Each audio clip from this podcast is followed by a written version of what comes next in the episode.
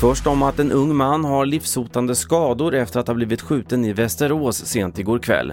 Han fördes till sjukhus och fick akut operation enligt Region Västmanland.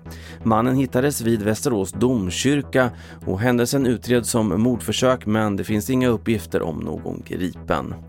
Idag drar årets bokrea igång och förra året ökade bokförsäljningen med 22 procent jämfört med året innan.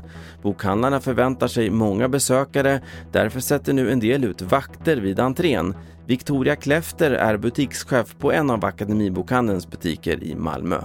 Ja, men vi kommer först ha en vakt som tillhör centrat som kommer stå och hålla koll och sen så kommer vi också vara vakter. Och vi har ju ett visst eh, maxantal som vi även kommer sänka under bokrean och det är max 20 personer vi kommer ha. Eh, så vi kommer spärra av så ingen kan smyga in. Så vi känner oss väldigt trygga med att vi kommer ha koll och förutom att läsa böcker så kan du snart gå på bio igen. Ja, i alla fall om du bor i New York. För där öppnar biograferna igen i början av mars, fast under hårda restriktioner.